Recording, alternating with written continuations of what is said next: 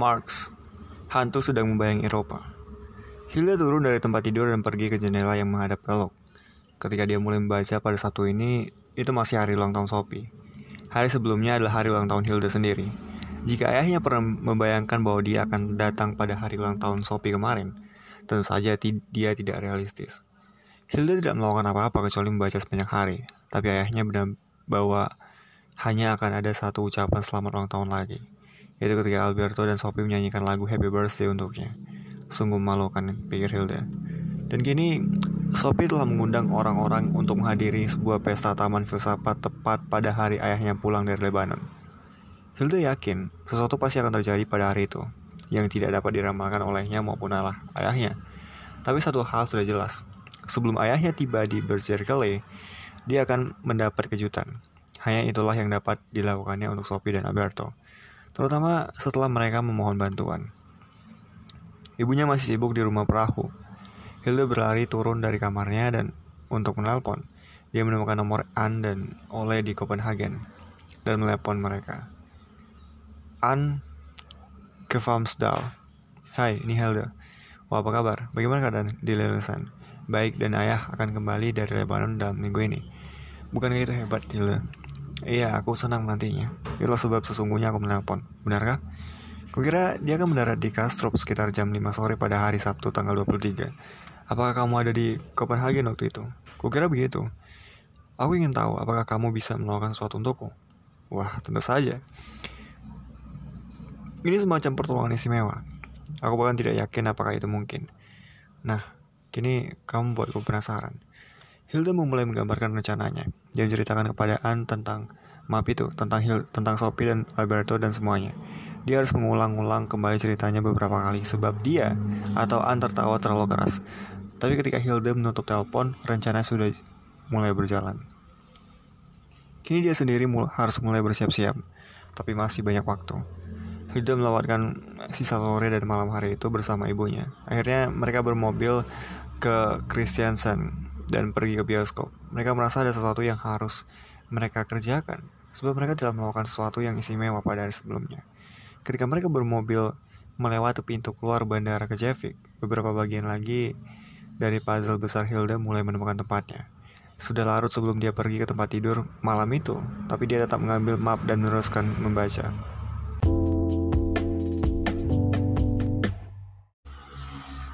Ketika Sophie menyusup keluar dari pagar tanaman malam hari itu, hari sudah jam 8.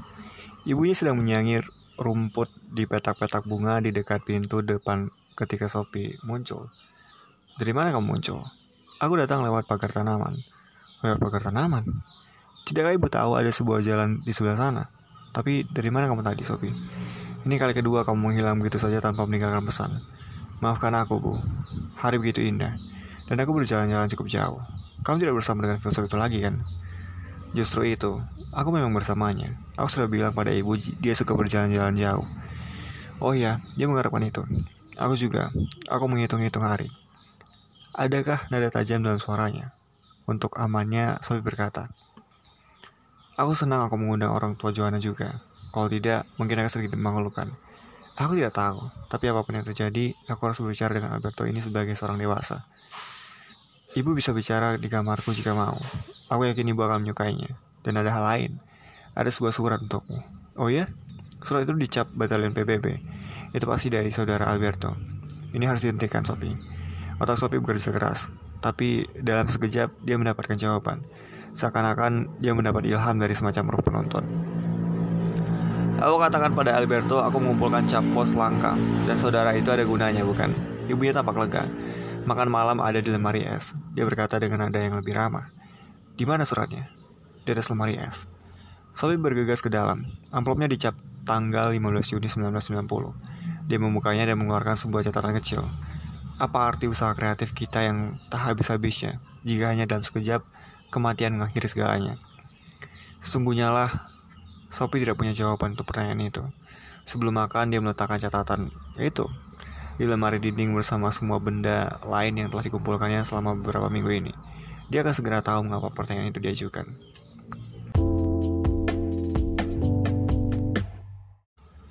Pagi berikutnya Joanna datang. Setelah bermain badminton, mereka mulai merencanakan pesta Taman Filsafat itu. Mereka perlu mempersiapkan beberapa kejutan kalau-kalau pesta itu nanti gagal. Ketika ibu Sophie pulang dari kerjanya, mereka masih membicarakan hal itu. Ibunya berkali-kali mengatakan, jangan khawatir tentang biayanya. Dan dia tidak sedang menyindir. Barangkali dia beranggapan bahwa pesta Taman Filsafat itulah yang dibutuhkan untuk membawa Sophie kembali menjejak bumi lagi.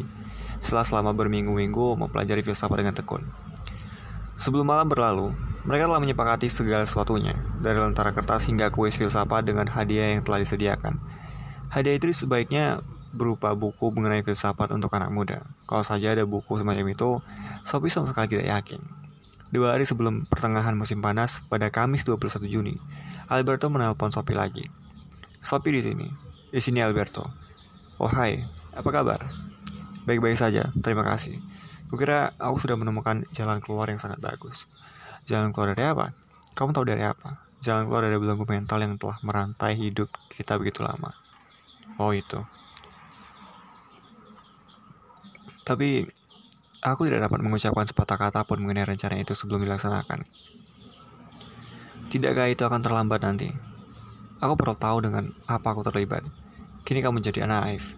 Semua percakapan kita ini didengarkan orang. Yang paling baik bagi kita adalah tidak mengatakan apa-apa. Seburuk itukah? Dengan sendirinya anakku. Hal-hal yang paling penting pasti terjadi ketika kita tidak sedang berbicara. Oh, kita menjalani kehidupan kita dalam realitas rekaan di balik kata-kata dalam waktu suatu cerita panjang. Setiap huruf dituliskan pada sebuah mesin ketik yang mudah dibawa-bawa oleh sang mayor.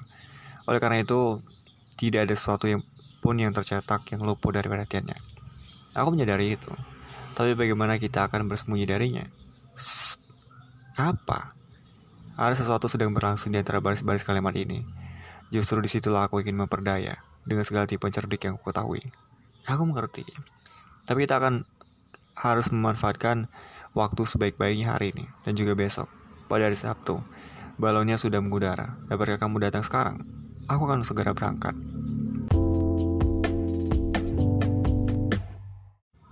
Sophie memberi makan burung-burung dan ikan serta meninggalkan daun selada untuk Govinda. Dia membuka sekali makanan kucing untuk serekan dan meletakkannya di sebuah mangkok di atas undakan ketika pergi. Lalu dia menyelinap melalui pagar tanaman dan keluar menuju jalan di sisi lain. Setelah agak jauh, dia tiba-tiba melihat sebuah meja besar berdiri di tengah padang bunga liar. Seorang pria dua duduk di sana, jelas sedang menghitung angka-angka. Sophie mendatanginya dan menanyakan namanya. Ebenezer Scrooge, katanya, membaca dengan teliti buku khasnya lagi. Namaku Sophie. Anda seorang pedagang kira. Dia mengangguk dan amat sangat kaya. Tidak sepeser pun boleh disia-siakan. Itulah sebabnya aku harus memusatkan perhatian pada hitunganku. Mengapa repot-repot? Sophie melambaikan tangan dan meneruskan perjalanannya. Perjalanannya. Tapi dia belum melangkah jauh ketika dia melihat seorang gadis kecil duduk sendirian di bawah salah satu pohon tinggi. Pakaiannya compang-camping, dan dia tampak pucat dan sakit. Ketika Sophie lewat, dia memasukkan tangannya ke dalam sebuah kantong kecil dan menarik keluar sekotak korek api. Maukah Anda membeli korek api? Tanyanya, sambil menyorong, menyorongkannya kepada Sophie. Sophie mencari-cari dalam kantongnya untuk mengetahui apakah dia membawa uang. Ya, dia menemukan uang satu kron. Berapa harganya? Satu kron. Sophie memberikan uang logamnya kepada gadis itu dan berdiri di sana dengan kotak korek api di tangannya. Adalah orang pertama yang membeli sebuah um, sesuatu dariku selama lebih dari 100 tahun. Kadang-kadang aku kelaparan sampai mati, dan di saat lain cuaca dingin membunuhku. Sophie berpikir barangkali tidak mengherankan jika penjualan korek api tidak terlalu laku di sini di tengah hutan. Tapi kemudian dia memikirkan pedagang yang baru saja ditemuinya. Gadis korek api yang kecil itu tidak perlu mati kelaparan. Sementara ada pria yang begitu kaya itu. Ke sinilah kata Sophie. Dia menggandeng tangan gadis itu dan berjalan bersamanya kembali kepada si pria kaya. Anda harus memastikan bahwa gadis ini mendapatkan kehidupan yang lebih layak, katanya. Itu sejenak mengalihkan perhatian dari pekerjaannya dan berkata, hal semacam itu membutuhkan biaya, dan aku katakan, tidak boleh ada sebesar pun yang disia-siakan. Tapi, tidak adil kalau Anda begitu kaya sedangkan gadis ini sangat miskin, desak Sophie. Itu tidak adil. Bah, mengkosong. Keadilan hanya ada di antara orang-orang yang setara. Apa maksud Anda? Aku harus merangkak dari bawah, dan kini menikmati hasilnya. Kemajuan, begitu mereka menyebutnya. Jika Anda tidak menolongku, aku akan mati, kata si gadis miskin. Pedagang itu mendongak lagi dari buku kasnya. Lalu dia melemparkan pena bulu yang bulu ayamnya ke atas meja dengan tidak sabar. Kamu tidak termasuk dalam hitunganku, jadi enyahlah kamu ke rumah orang miskin. Jika Anda tidak menolongku, aku akan membakar hutan, gadis itu berkeras. Perkataan itu membuat pria tersebut berdiri, tapi si gadis telah menyalakan sebatang korek apinya. Ia menyentuhkannya ke setumpukan rumput kering yang segera menyala. Pria itu membentangkan kedua tangannya ke atas. Tuhan menolongku, dia berteriak. Jago merah itu telah berkokok. Si gadis mendongak ke arahnya dengan senyum lucu. Anda tidak tahu aku seorang komunis, bukan?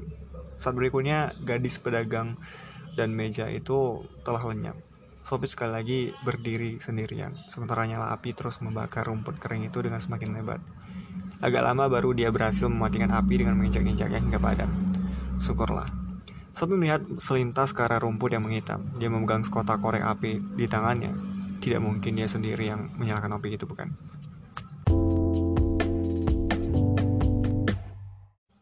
Ketika bertemu dengan Alberto di luar gubuk, Sophie menceritakan padanya apa yang telah terjadi. Skurek adalah kapitalis pelit dalam A Christmas Carol, karya Charles Dickens. Kau mungkin ingat si gadis korek api dari dongeng Hans Christian Andersen. Aku tidak menduga dapat bertemu dengan mereka di sini di hutan ini. Mengapa tidak? Ini bukan hutan biasa. Dan kini kita membicarakan Karl Marx. Sangat tepat bahwa kamu telah menyaksikan satu contoh mengenai perjuangan kelas yang sangat hebat pada pertengahan abad ke-19. Tapi marilah masuk ke dalam. Kita agak lebih terlindung dari campur tangan sang mayor di sana. Sekali lagi mereka duduk di meja kecil dekat jendela yang menghadap danau. Sophie masih dapat merasakan di seluruh tubuhnya bagaimana pemandangan danau kecil itu setelah dia minum dari botol biru. Hari ini, kedua botol itu berdiri pada papan di atas tungku. Ada model miniatur dari sebuah kue Yunani di atas meja. Apakah itu? Tanya Sophie. Semua ada waktunya anakku. Alberto mulai berbicara. Ketika Kierkegaard pergi ke Berlin pada 1814. Dia mungkin duduk bersebelahan dengan Karl Marx pada kuliah-kuliah Selling. Kierkegaard telah menulis sebuah tesis master mengenai Socrates. Pada saat yang hampir bersamaan, Marx telah menulis sebuah tesis doktor mengenai Demokritus dan Epicurus. Dengan kata lain, mengenai materialisme dari zaman Yunani kuno. Dengan demikian, mereka berdua memulai aliran filsafat mereka sendiri. Karena Kierkegaard menjadi seorang eksistensialis, dan Marx menjadi materialistis. Marx menjadi apa yang dikenal sebagai seorang materialis historis, tapi kita akan kembali ke situ nanti. Teruskan. Masing-masing dengan caranya sendiri, Kierkegaard dan Marx mengambil filsafat Hegel sebagai titik tolak. Keduanya dipengaruhi oleh cara pikir Hegel, tapi keduanya menyangkal ruh dunianya dan atau idealismenya. Itu barangkali terlalu muluk bagi mereka. Pasti, secara umum kita biasanya mengatakan bahwa era sistem filsafat besar berakhir dengan Hegel. Setelah dia filsafat mengambil arah baru, bukannya sistem spekulatif yang hebat, kita mendapatkan apa yang kita sebut filsafat eksistensial atau filsafat aksi. Ini dimaksudkan Marx ketika dia mengamati bahwa hingga kini para filsuf hanya menafsirkan dunia dengan berbagai cara. Yang penting dengan mengubah, yang penting adalah mengubahnya. Kata-kata ini menandai adanya titik baik yang penting dalam sejarah filsafat. Setelah bertemu dengan Skurek dan gadis korek api itu, aku tidak kesulitan memahami apa yang dimaksudkan Marx. Pemikiran Marx mempunyai tujuan praktis atau politis. Dia bukan hanya seorang filsuf, dia juga seorang ahli sejarah, ahli sosiologi, dan ahli ekonomi. Dan dia menjadi pelopor dalam semua bidang itu. Jelas, tidak ada filsuf lain yang mempunyai pengaruh lebih besar terhadap politik praktis. Di lain pihak, kita harus bersepada dalam menyamakan segala sesuatu yang menyebut dirinya Marxisme dengan pemikiran Marx sendiri. Karl Marx mengatakan bahwa dia baru menjadi seorang Marxis pada pertengahan 1840-an. Tapi bahkan setelah itu pun, dia kadang-kadang merasa perlu menegaskan bahwa dia bukan seorang Marxis. Apakah Yesus seorang Kristen? Itu pun tentunya dapat diperdebatkan. Lanjutkan.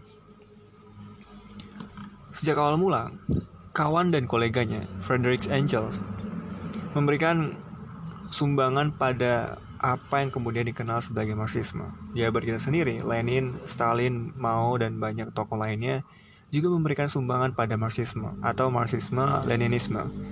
Kusarankan kita membicarakan Marx sendiri saja. Anda katakan dia seorang materialis historis. Dia bukan seorang filsuf, materialis seperti para pendukung teori atom dari zaman Yunani kuno. Dia pun tidak mendukung materialisme, mekanis, dan dari abad ke-17 dan ke-18. Tapi dia beranggapan bahwa cara kita berpikir sebagian besar ditentukan oleh faktor-faktor material dalam masyarakat. Faktor-faktor material semacam itu jelas sangat menentukan perkembangan sejarah. Itu sangat berbeda dari ruh dunia Hegel. Hegel telah mengemukakan bahwa perkembangan sejarah ditentukan oleh ketegangan antara dua kekuatan yang bertentangan, yang kemudian dicairkan oleh suatu perubahan mendadak. Marx mengembangkan gagasan itu lebih jauh, tapi menurut Marx, Hegel berdiri di atas kepalanya. Tidak sepanjang waktu kuarap. Hegel menyebut kekuatan yang menyerah, menggerakkan sejarah itu ruh dunia atau akal dunia ini kata Marx, justru terbalik. Dia ingin membuktikan bahwa perubahan-perubahan material itulah yang mempengaruhi sejarah. Hubungan rohaninya tidak menciptakan perubahan material, tapi sebaliknya. Perubahan material menciptakan hubungan hubungan rohani yang baru. Marx secara khusus menekankan bahwa kekuatan ekonomi dalam masyarakat lah yang menciptakan perubahan dan eko, karenanya menggerakkan sejarah ke depan. Apakah Anda punya contoh? Filsuf Yunani kuno, filsafat Yunani kuno, dan ilmu pengetahuan mempunyai tujuan yang benar-benar teoritis. Tak seorang pun benar-benar tertarik untuk menerapkan penemuan-penemuan baru dalam praktik. Betulkah? Itu karena cara kehidupan ekonomi masyarakat telah diatur. Produk terutama didasarkan pada tenaga kerja budak. Warga negara tidak perlu meningkatkan produksi dengan inovasi-inovasi praktis. Inilah contohnya bagaimana hubungan material dapat membantu mempengaruhi refleksi filsafat dalam masyarakat. Ya, aku mengerti. Marx menyebut hubungan material, ekonomi, dan sosial ini dasar masyarakat.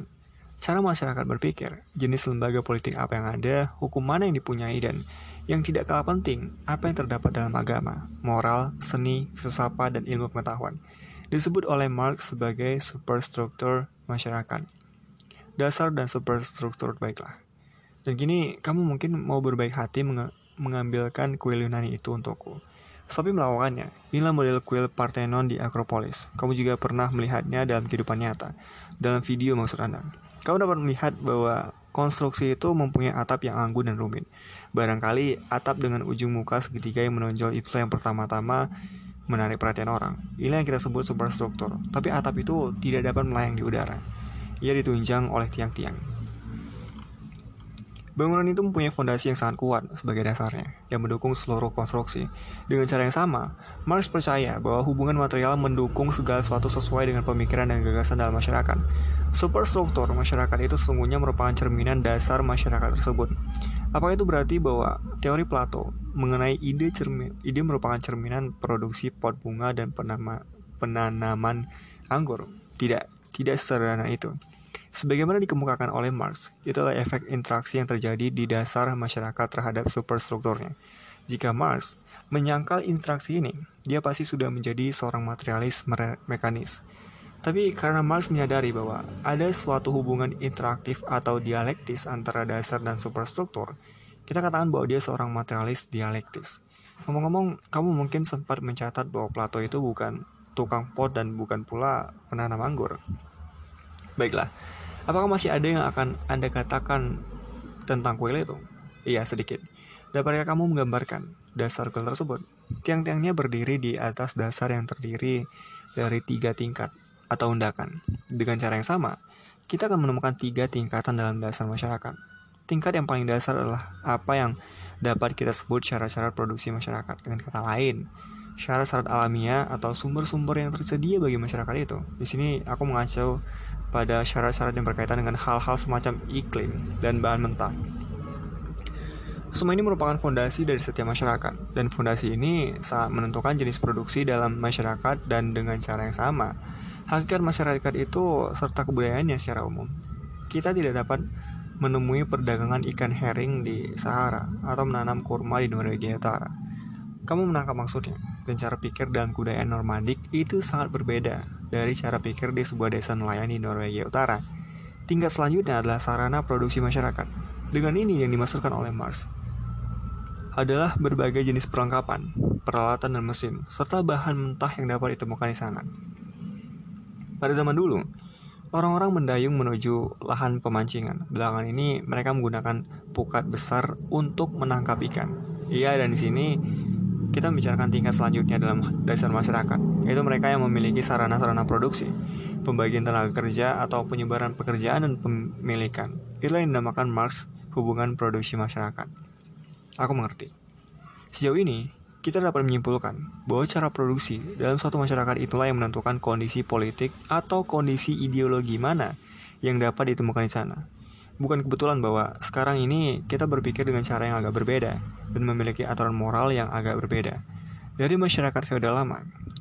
Jadi Marx tidak percaya pada hak alamiah yang selamanya sah. Tidak. Masalah mengenai apa yang secara moral benar menurut Marx adalah produk dasar masyarakat. Misalnya, bukan kebetulan bahwa di kalangan masyarakat petani lama, Orang tua akan menentukan dengan siapa anaknya harus kawin. Itu menyangkut masalah siapa yang akan mewarisi tanah pertanian. Di dalam masyarakat kota modern, hubungan sosialnya berbeda.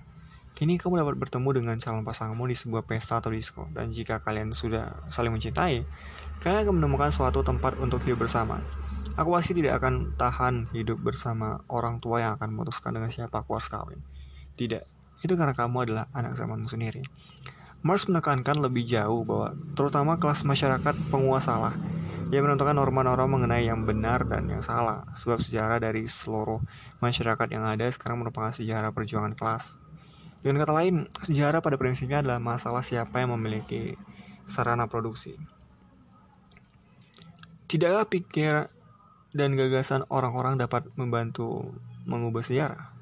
Iya dan tidak Marx memahami bahwa kondisi dalam superstruktur masyarakat mungkin memiliki pengaruh interaktif terhadap dasar masyarakat, tapi dia menyangkal bahwa superstruktur masyarakat mempunyai sejarah tersendiri yang mandiri. Apa yang telah mendorong perkembangan sejarah dari masyarakat budak pada zaman kuno menuju masyarakat industri masa kini sebelumnya telah ditentukan oleh perubahan-perubahan di dalam dasar masyarakat. Begitu kata Anda. Marx percaya bahwa dalam seluruh tahap sejarah selalu ada pertentangan antara dua kelas masyarakat yang berkuasa. Dalam masyarakat budak pada zaman kuno, pertentangan itu adalah antara warga negara bebas dan budak.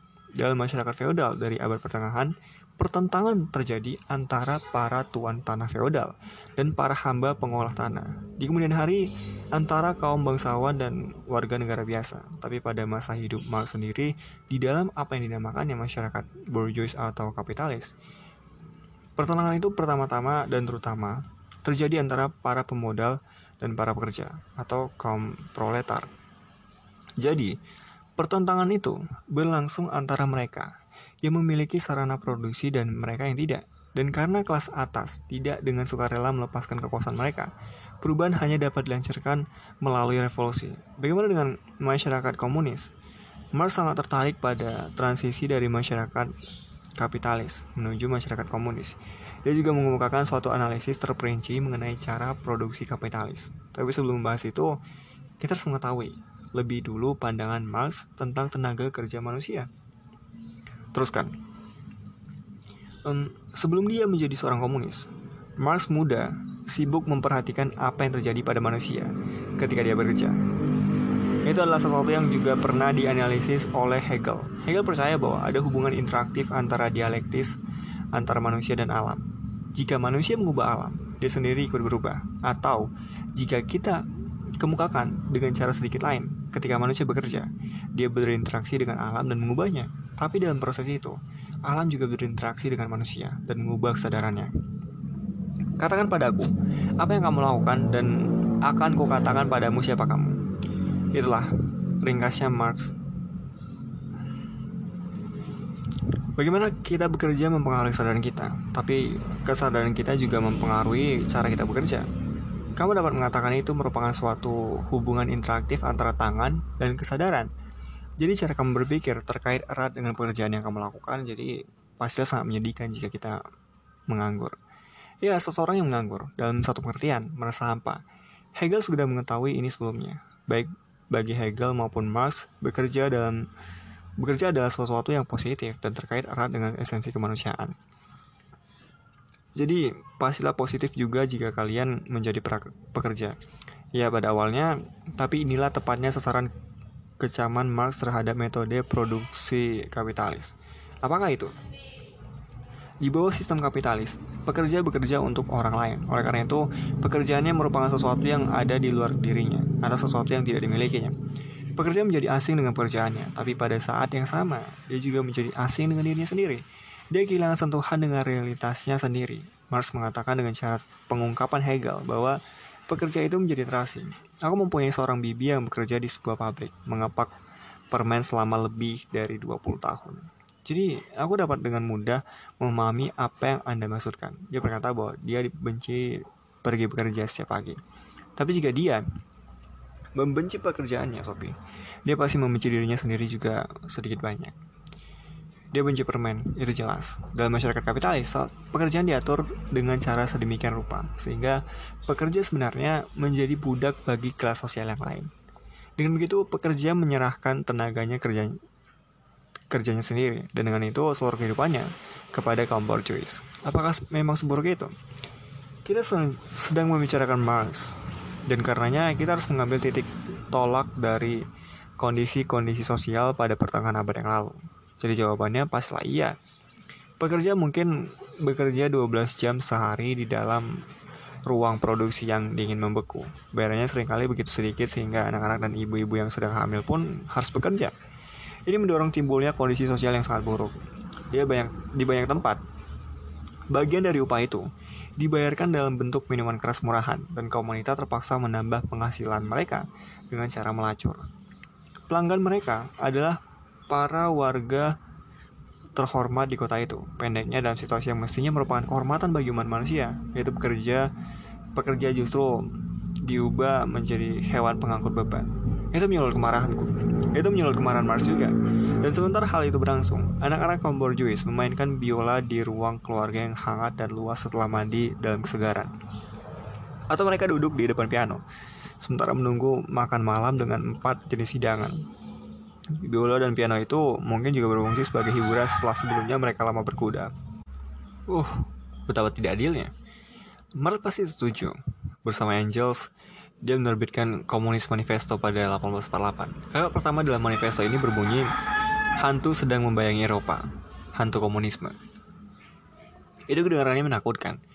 Itu menakutkan kaum borjuis pula. Sebab ini kaum proletar mulai melancarkan revolusi. Maukah kamu mendengar bagaimana akhir manifesto itu?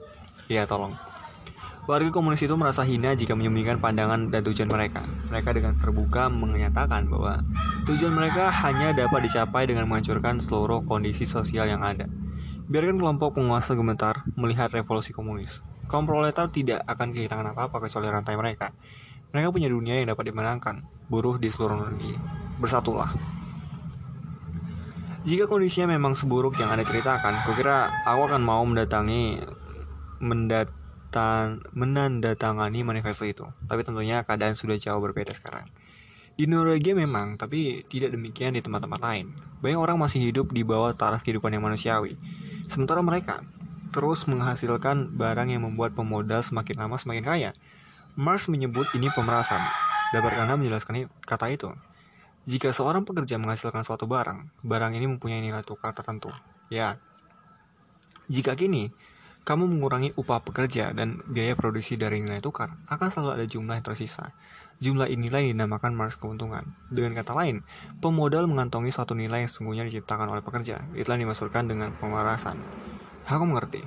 Jadi kini pemodal menanamkan sebagian keuntungannya ke dalam modal baru, misalnya dengan modern dan kan pabrik produksi dengan harapan dapat menghasilkan barang dengan harga yang lebih murah lagi. Dan dengan demikian, menambah keuntungannya pada masa mendatang. Itu kedengarannya logis. Ya, bisa jadi kelihatan logis, tapi dalam bidang ini dan dalam bidang lain, dalam jangka panjang keadaannya tidak berjalan seperti yang dibayangkan pemodal. Bagaimana maksud Anda? Marx yakin ada sejumlah kontradiksi yang melekat dalam metode produksi kapitalis. Kapitalisme adalah suatu sistem ekonomi yang dapat menghancurkan dirinya sendiri, sebab ia tidak mempunyai kontrol rasional. Itu bagus bukan? Tapi bagi yang ditindas, ya sudah melekat dalam sistem kapitalis bahwa itu berjalan menuju kehancurannya sendiri. Dalam pengertian itu, kapitalisme bersifat progresif sebab ia berada satu tahap menuju komunisme. Bisakah Anda memberi contoh kapitalisme yang dapat menghancurkan dirinya sendiri? Kita katakan bahwa pemodal mendapatkan kelebihan uang yang sangat banyak, dan dia menggunakan bagian dari kelebihan itu untuk memodernkan pabriknya. Tapi dia juga membelanjakan uang untuk pelajaran biola. Lagi pula istrinya telah menjadi terbiasa dengan gaya hidup mewah. Tidak diragukan lagi. Dia membeli mesin baru, dan karenanya tidak lagi memerlukan banyak tenaga kerja. Dia melakukan ini untuk meningkatkan daya saingnya. Aku mengerti. Tapi dia bukan satu-satunya orang yang berpikir seperti ini yang berarti bahwa produksi secara keseluruhan terus-menerus dibuat makin efektif. Pabrik makin lama menjadi makin besar dan lambat laun berpusat di tangan yang sejumlah yang jumlahnya makin sedikit. Ada yang terjadi apa yang terjadi kemudian Sophie? Ano, semakin sedikit pekerjaan dibutuhkan, yang berarti semakin banyak jumlah penganggur. Oleh karena itu, masalah sosial semakin meningkat dan krisis semacam ini merupakan tanda bahwa kapitalisme sedang berjalan menuju kehancurannya sendiri. Tapi kapitalisme juga mempunyai sejumlah unsur penghancur diri yang lain. Setiap kali keuntungan harus dimanfaatkan untuk sarana produksi tanpa menyisakan kelebihan yang cukup banyak untuk menjaga agar produksi berjalan dengan harga bersaing. Ya, apa yang dilakukan pemodal kemudian?